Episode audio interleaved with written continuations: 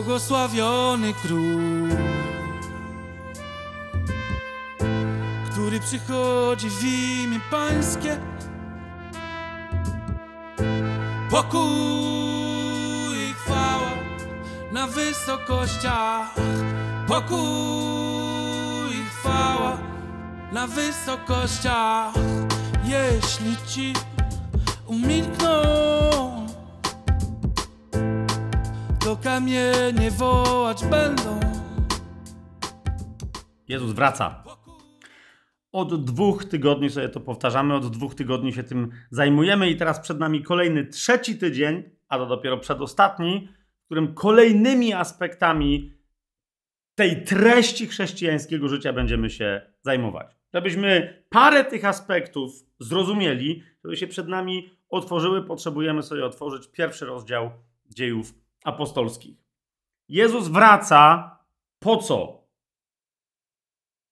Z nami, nie po nas. Jezus wraca z nami na tę ziemię, aby uczynić ją do końca nową. Jezus wraca, aby wprowadzić swoje królestwo, aby dzieło, skończone dzieło krzyża, jego śmierci i zmartwychwstania, w którym zjednoczył wszystko to, co na niebie i na ziemi, aby się zrealizowało w jedności nowego nieba i nowej ziemi, w centrum którego to nowego stworzenia będzie się znajdować nowe Jeruzalem. Jezus wraca, aby zaprowadzić swoje królestwo. To królestwo, którego nadejście głosił podczas swojego pierwszego przyjścia na ziemię. Od początku, od pierwszego w zasadzie wystąpienia publicznego Jezus mówił: Przybliżyło się do was królestwo. Do końca swojego pierwszego pobytu na ziemi mówił: To królestwo już jest pośród was, ale jest niewidzialne. Niemniej tak, wiem, wszystkie starotestamentowe proroctwa mówiły, że kiedy przyjdzie Mesjasz, zaprowadzi królestwo na tej ziemi. Ja to uczynię, bo ja nim jestem.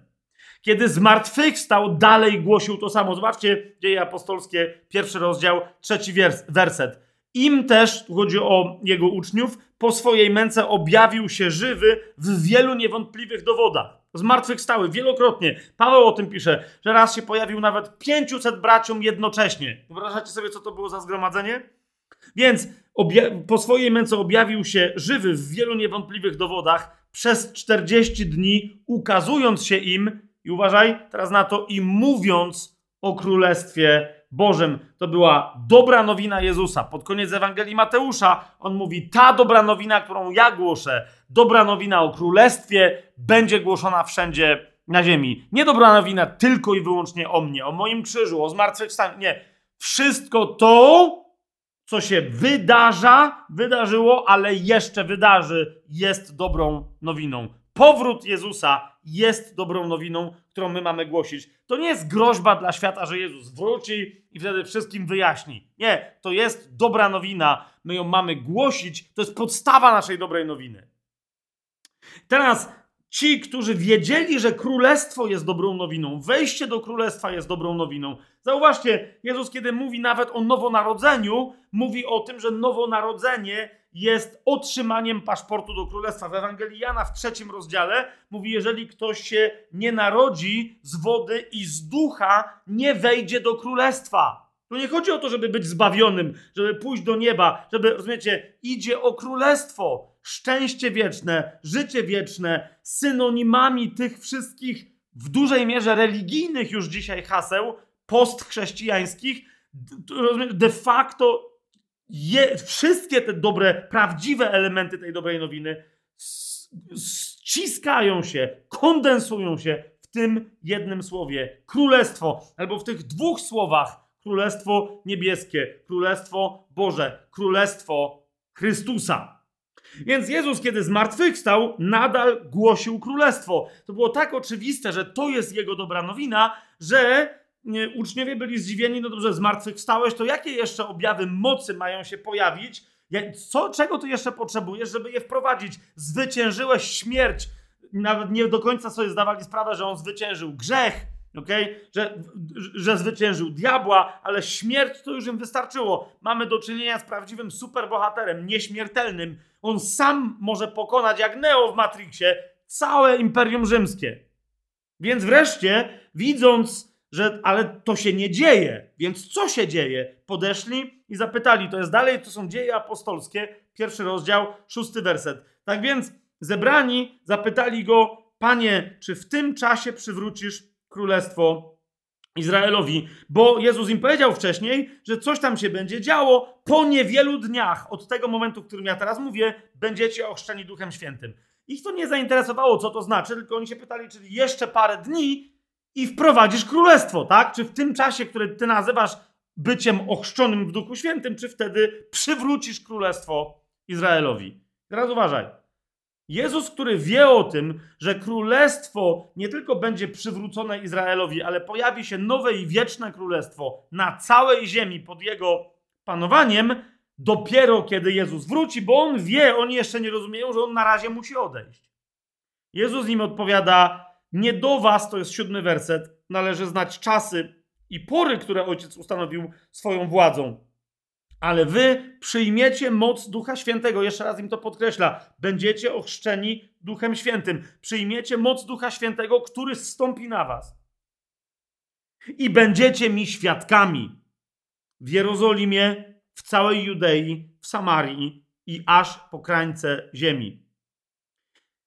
To są jego ostatnie słowa na ziemi. Łukasz w tej kwestii jest zawsze, że zauważcie, to nie są dzieje, to nie są e, Ewangelie, które na różne sposoby kończą przekaz ewangeliczny podstawowej dobrej nowiny o życiu, śmierci i zmartwychwstaniu Chrystusa. To są dzieje apostolskie, które mówią, co było dalej. Wszystko się zaczyna od tego, że Jezus poszedł do nieba, ale powiedział, że wróci. Wróci, aby ustanowić królestwo. Natomiast zostawił nam swoją jednoznaczną, klarowną wolę do tej pory. Czekajcie na mnie. Czekanie polega na czym? Na przyjęciu Ducha Świętego, aby być moimi świadkami.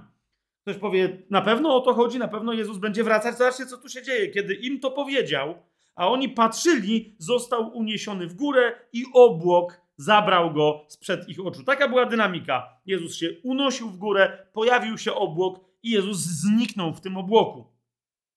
A gdy się tak wpatrywali w niebo, jak wstępował, oto stanęli przy nich dwaj mężowie w białych szatach. Dwóch aniołów się pojawia i mówią apostołom, co następuje. Mężowie z Galilei, dlaczego stoicie wpatrując się w niebo?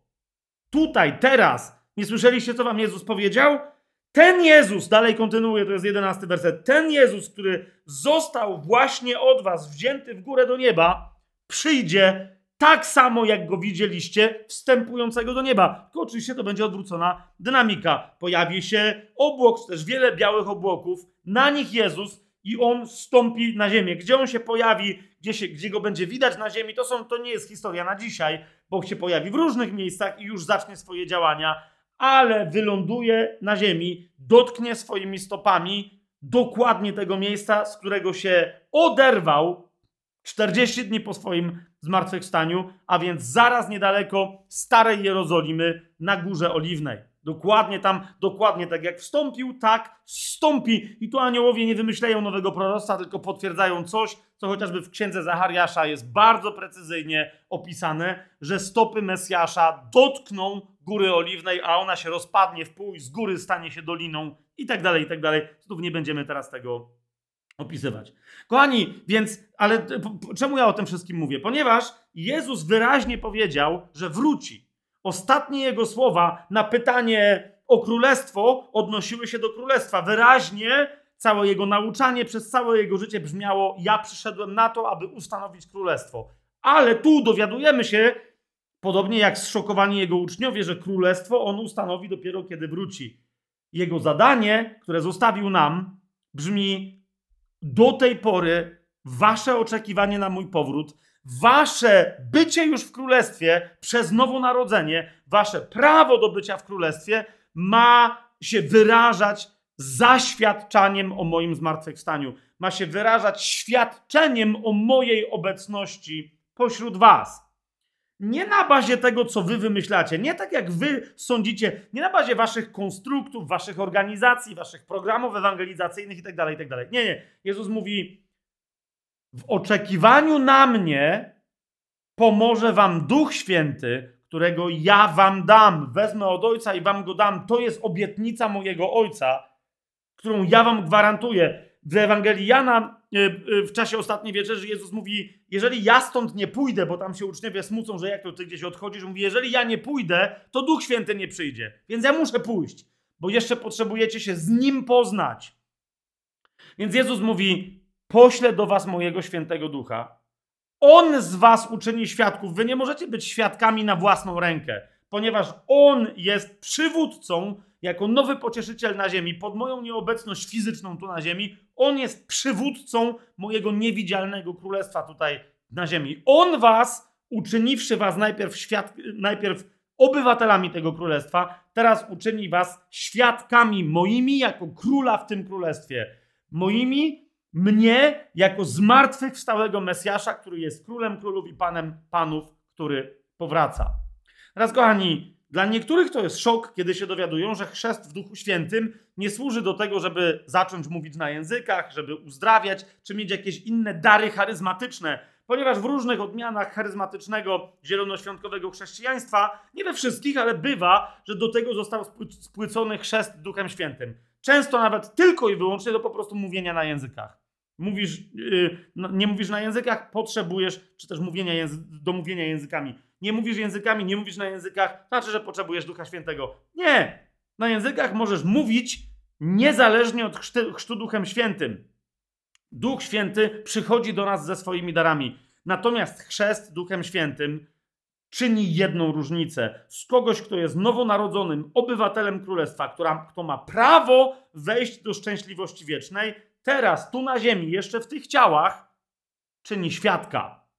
To jest to, czego dokonuje chrzest Duchem Świętym. I teraz w tym nadchodzącym tygodniu będziemy się zastanawiać i modlić o rozmaite aspekty takiego przyjęcia Ducha Świętego, które uczyni z nas prawdziwych świadków. Oczywiście ktoś powie, no to pomódlmy się o chrzest Duchem Świętym, on stąpi. Hmm.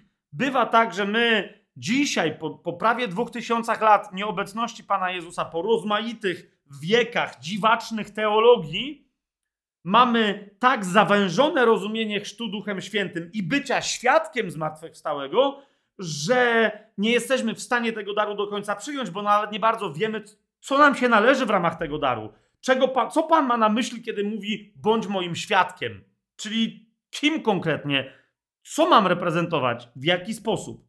Kochani, dziś pomodlimy się tylko krótko, ale w tym najbliższym tygodniu, od poniedziałku do piątku w Roratach, będziemy rozważać poszczególne aspekty, co to znaczy wołać do Ducha Świętego, przyjdź, ochrzcij mnie, zanurz mnie w sobie Duchu Święty, uczyń ze mnie świadka Chrystusa, abym jako świadek wyrażał, głosił całemu światu, że czekam na Chrystusa, bo hashtag Jezus wraca, ten, który, zmieniamy hashtag, ten, który hashtag Jezus, inaczej, zmieniamy go jeszcze tak, hashtag tylko Jezus jest Panem.